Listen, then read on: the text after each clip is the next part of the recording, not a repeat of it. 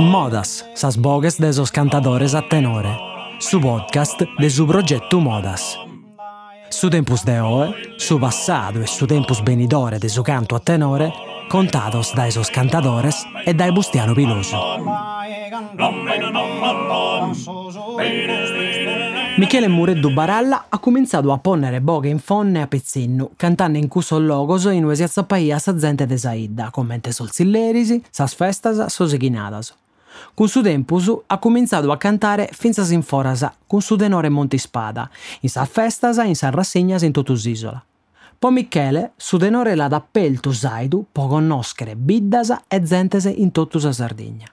Parisa Bustiano Pilosu arresona desevoluzione desa tecnica de su canto a tenore in bidda sua e de galevuni sas poesias cantadas de Brusu da su gruppo su. Iscutate Boscomo s'arresonata de Bustiano Pilosu con Michele Mureddu. Semmus in fonne po vaghere gusta chirca supra a su cantica a tenore. Oie mi pare che este saedeghe iddas chi semmo visitende chi su companzu Luigi Oliva etnomusicologo, e semmo facendo questo trivaglio di documentare su cantica tenori su 2021, cosa che si l'avremmo fatto dai anni e anni in dai sigo siamo stenti un montone di arreino il finza al dezente che comodo l'umano non bespruso e chi non nos pote fare su conto delle esperienze sue. Però teniamo il galo un montone gente che ha cantato eh, e che ha fatto si storia de su denore in tutto questo annos appustisi de sa seconda guerra. E tanto in fonne eh, abbiamo invitato a ragionare chi noi a Micheli Mureddu, che però in oga è sconnotto in un altro nome pure. Micheli Baralla. Micheli Baralla. E non solo in fonne, ma è sconnotto in tutta la Sardegna, nammo su Pruso commente Baralla, che non commente Mureddu ca salbida nostra si è sempre usato gai a ponere un paralume nammus una proeglio nammus in vita Proeglio, e, e poi a Barracuso a sa famiglia in trea non manca sa persone a sa, a sa famiglia in trea. E tanto zio Michelli cominciammus a reionare de tenore deite si stato pro voi su tenore quando sei stato? No, e te bosa dato su tenore, è stato importante, pago importante. Importante, mi ha fatto conoscere meda gente in meda sviddas e mi calcolavano sui borsi non mi calcolo deo, non fu. Però a piaghia da su tenore, piaghia da sa poesia e combinavamo so, e combinavo insomma po in onore de sa vita mi calcolavano proprio su, eh, su prusso eh, borsi ossa in un, in un tinio e mi davano Michele Baralla non so se solo tenore no se pure un poeta e invece se poesia sì credo che poesia già la, io già la ma non fu grande calcolato Vos ha dato una bella soddisfazione. Esatto. Eh. L'assistente soddisfazione manna di suo cantare. E ha cominciato a Pizzino. Sì, io Pizzino non tenevo manco la leva gallo, insomma, dopo cominciavo. Pizzino di Bindigo Segano so, e Pizzino so, so de, de su 38, insomma, di altri spuru, li sargadava da su tenore e la avevamo so in vita naturalmente abbiamo cominciato. Poi siamo molto fuori, mano a mano, non sono siano, si stau... Volmutiana. Non, non smutiana, esatto, a, una esto. E abbiamo fatto sempre bella figura in medalloso. Beh, a me mi interessa questa prima parte. Come poi arriviamo dessa seconda parte. Sa prima parte de, de vita ostra de quando non movia zis fora, de quando canta ia zis in bidda, de te commente vis ambiente dando, su tenore piaghia, da canta gente bicantai, da zigu su conto di questo ambiente mi dia da aggradare de Sì, su tenore piaghia da sempre, però tenore smendume da stando, dopo minore deo, di tenore di pizzinnos o di gente manna, insomma, eh, su tenore di meda gradio in, in tutta la vita e in cada luogo, insomma, un mosso abbastanza calcolato, secco. E un bel cantaiazzis? In sas piazzas, insomma, eh, in sos bar, insomma, in medallos, insomma, andavamo e avevamo bella figura e arcadava da gente. E chi è vizzi in questo denaro de quando bossezzi spesato, so scumpanzo il vostro, so chi è vini, so, so spru scumpanzo chi deniazzi. E, un attimo Mureddu, quasi tutto, parente in soro, Battista Mureddu, che è sbiato purtroppo, un attimo è nata eh, Gristolo Mulas, abbastanza bravo quasi tutto, e, e Antoni, Antoni Falconi, abbastanza bene, bravo quasi tutto, insomma. E, e te, te buoniata, questo come eh, te vedi? Questo Falconi te va che a basso, contro? Su basso. Su basso. Basso, contra, e messo, insomma, so, so tutta strese. Tutta strese fa chiana questo... E, e voi sempre saoche? Sapore, sempre sapore. Mi argadava... Dai su cominzo. Dai, dai su cominzo, mi argadava a fare, su solista, insomma, so, so, saoche. a cantare. A cantare. A cantare. E ha fatto sempre tu, sempre saoche, su solista. E me saoche? Me, me suoghe pure. Eh, me suoghe pure, io mi scappitavo un altro tenore se completo so, e mi piacevano, io sono messo voi e già scapitato me da, me da tenore, che è tutto, capito? E invece il basso e contro non va sprovato mai? Eh, on tre, qualche volta gliela può provare, eh. Su basso no, non...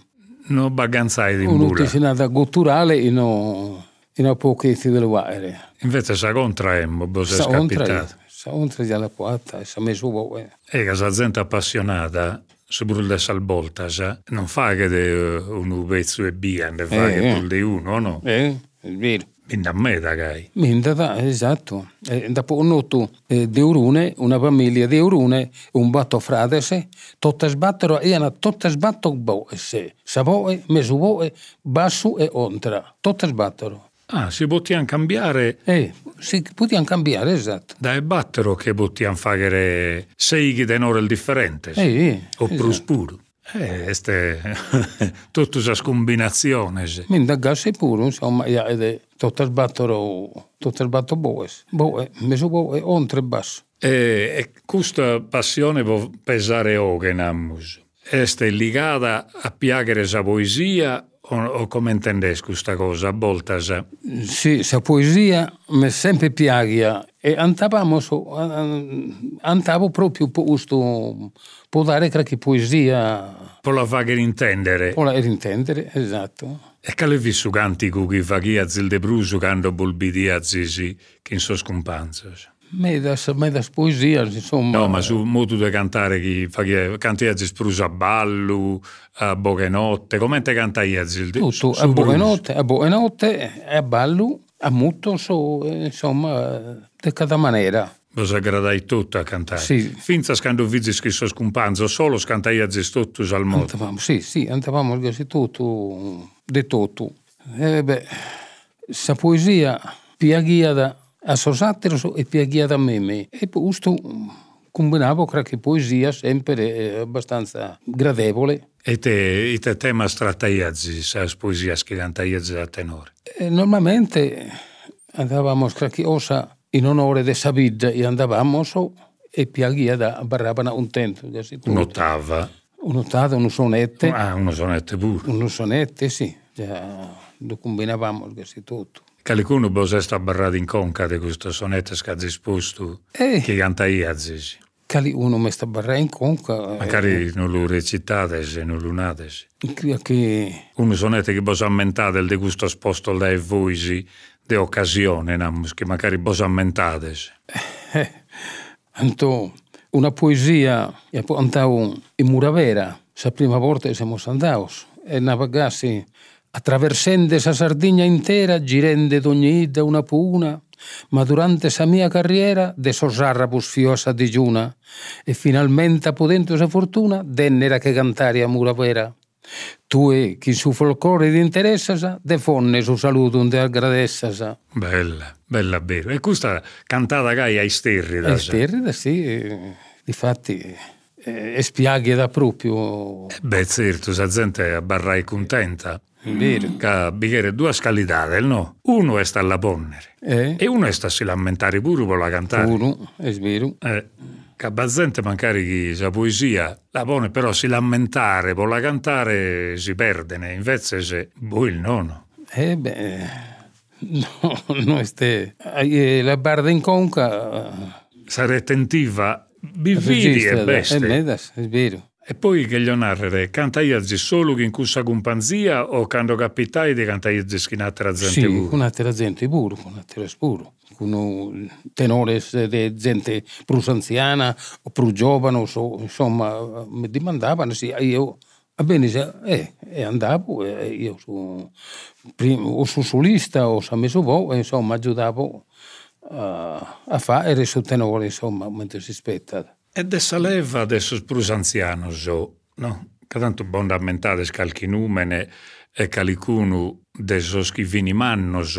quando vizi spizzinu voi, no? Eh? Cale vidi su chi vos aggradaia da boisi, chi vidi un esempio bello de commente si cantaiada? Su Prussi mi stargadau, a me mi hubo pizzino minore, su 49, budi so so tres, unini, tres, battero, budi onne, orgosolo, No, ma de, de, io sono ende de fonne, cantatore il mannos, che, ha, chi canta bossezzi spesato a battordi chi bindicanno, se gai, cal fini sol fonneso il bravo schibo spiaghie. E giusto giovonando, insomma, capito? Tiu Branzone si navada, tiu, tiu Badore, Badore Marceddu, tiu e Martisi, tiu Branchiso e Martisi, e so andavo a esortare giusto, so me das voltas, piaghiada o di meraviglioso, insomma, capito? E, e un bello si scruteia, zisi. Ah, un bel fini che cantaiana. Cantavano in medalloso, e su prusu i me spiaghiu, o di savorte le sapinteso, i tinio de gannoso, in, in aristanesi, e budi questo satiro tenores, numero se svantavo, insomma, a, che piava da su premio, itus, insomma, capito? Invece che la pia onne, eh, itus te arribavo infatti. E che vivi cantando esa volta in Oristanis. Tiu Marceddu, tiu Brancione, tiu, tiu Branchiso e Martisi e tiu, tiu Malucco, li chiamavamo, insomma, dei testinati, capito? Un bello tenore proprio, eh. E come voglio raccontare un'altra cosa che a voi già sconnotto. Gente che quando sente del su 38, sos primos tenore lo saggi scurtato, so, come vi finita sa guerra? 48, Sì, 50, sì, le fine, 52, eh, esatto. anni in cui. Tanto bei a gente che vi nascite sotto i gentos, di quei cantatori. E difatti di questo sia polumenau, che lì uno nasce in tutti ento, so. Tiu Badore Marceddu, un nasce in tutti ento, so. Che 50 anni, so, e Eh, tanto eh, esatto. finiamo nel manno, e Tu ne fini nome nel manno, sì. E appende con notto gusto, e come tenete occasione di intendere sospizzino del suduamizza. So mancari su 1998 o certo nascido se so sanno il duamizza pure. Sì, sì. E a zigu idea bosazzi il fatto, però andiamo a vedere che la propria intrea che è una dimori. De commente scambiato su tenore, desinterpretazione, de commente cantano, ite idea teni del boisi. Ma- a gusto vostro.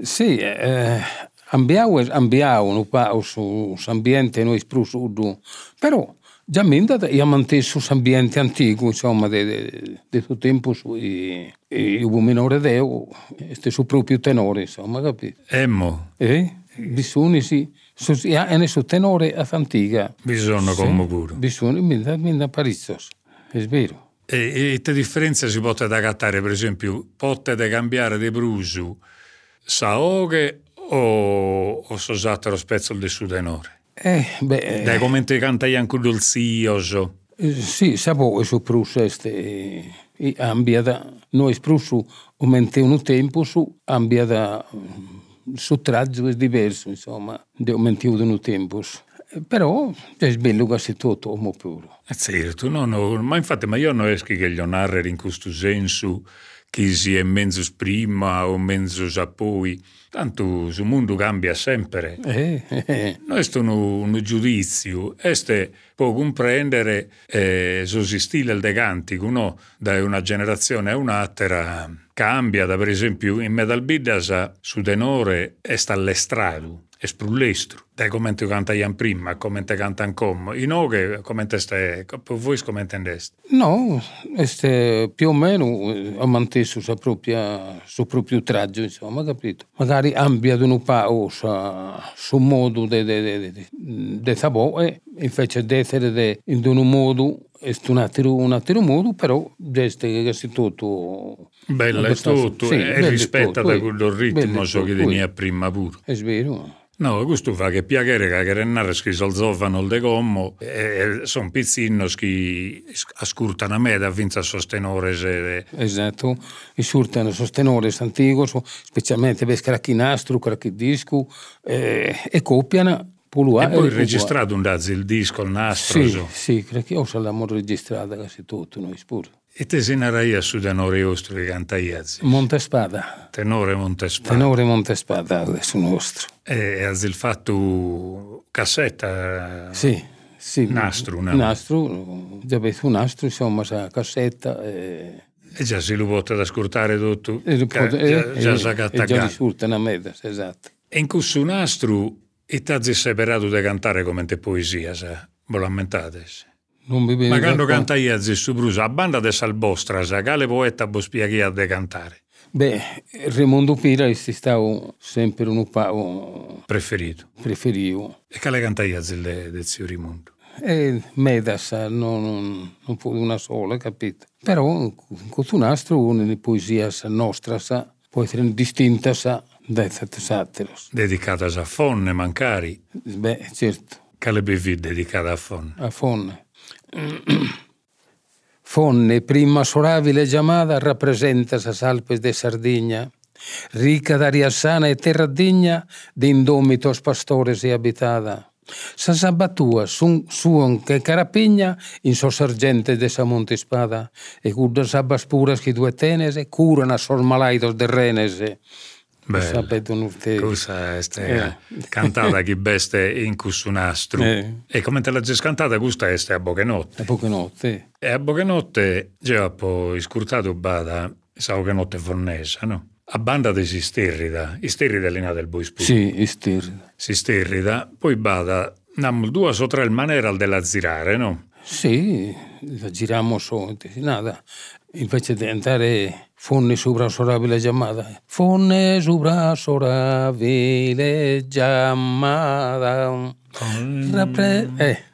Rappresenta las Alpes de Sardegna. E sul tenore... Poi eh, fatto a sao che a su ritmo che dai sao. Bom, bom, bom, bom, boi, ram, bim, bom. Oh, Questo però cambia da su tenore quando fa eh, che discorso. Cambia, certo. Che la conosca diretta. Un'altra rimata, certo. Tenore che comprende diretto. Che Bazzi si commenta l'ha poi scrutato io, su cui pago potto hai scompreso e beste questa zirata più lenta sa prima che il fatto no? che so scorfoso più siccoso più distintoso su tenore dal corpo il distinto no? Beh, difatti e, e poi invece scando la, si zira da s'allestra da zigu e so scorfo sono seguidos sì su tenore pure eh, seguiti proprio in forma sabò e su tenore pure capito e un'altra cosa boscheria per contare può lo comprendere io eh, che non essendo forneso eh, cioè, intendo solo la registrazione se pago magari un disco pago pure quando canta io se a poche notte ma non in palco, vai dove quando canta a su cominzo e a pizzino se gai. Alzata e abbassata sempre l'alfaghezzi in fondo. Sì, sì, su sempre bassa e sapore alta e su tenore cambiava quasi tutto, cambiava in forma sapore Puni affatto. Puniati infatti, capito. E, e belusoia zisi finza sa chi su denore mutia sa oghe all'alzare o all'abbassare, questo no, no, no mentre la, io deo rispondi a tu tenore tranquillamente, no, non comandai su denore. Non comandavo su tenore, già parlavano un tento su di mentre sai. E, e poi un'altra, un'altra cosa del suo cambiamento che potrebbe essere stato su punto, quando cantaia zisi eh, namusu a su guminzu, quando fece il tenore brusa a punto alto o a punto basso, paragonato a, a como a tempos più modernos? Eh, no, una cosa media, insomma, non, non fu né alto media né basso media, capito? Più o meno estremamente usto. E sta barrato che hai Sto tutto. barrau quasi tutto. Un eh. punto medio si lea Sì, no che sì. in fondo. Una cosa media, Io per scurtare il mamugliatino, so, per esempio, cantano a basso meda, più basso. appunto basso. Mm. Cantano appunto per il basso, invece so sorgoleso, so de sos anni 50, 60, cantaiano appunto arto. E sul bitticheso, so per esempio, prima cantaiano appunto arto come finza sostenore se chi alzano a palco e gai cantano appunto per il basso. Invece si no che Diciamo, su proprio. Su gruppi, sempre il manteso Più o meno, sì, con sì. du punto medio, sempre il manteso rispettato. Esatto. Che este finza in cui su tenore sono diverso, no? Se este punto alto, punto basso. E, adesso sattero tenore se chi cantaiana quando tanto bividi su ostru, poi bividi su tenore namusu eh, de, de Solmanno, so, chi è il bessi da cantare a fora spuru, no? Zio Cristolu, Sì, Bottaru, bottero, eh. andaiano a cantare a fora spuru. Sì, sì. sì. Siamo andati fino a Parisi, in sa. Inizio so di gente più manna, naturalmente, più anziano, bellissimo quasi tutto. Gradiena, un ettaro. E poi bivi su zio Pietrino, E ti pettino pure quasi tutto. Che teniano, cioè, tenia zisi, namus tres tenore differente, se bivini gudos o sprulmannos, poi bivin soldi zio Pietrino mediano, namus, Eh. poi il figlio sprulzovanos, E più giovane, è vero. de calcanno, no? Eh.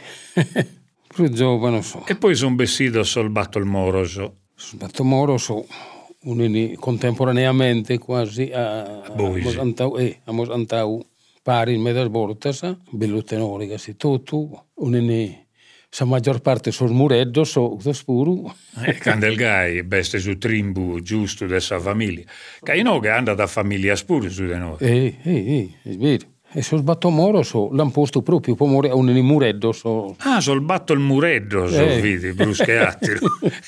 esatto. Namus sol batto il moreddo, so che poi diventai di mureddo, so che avvi mureddo. Mureddo.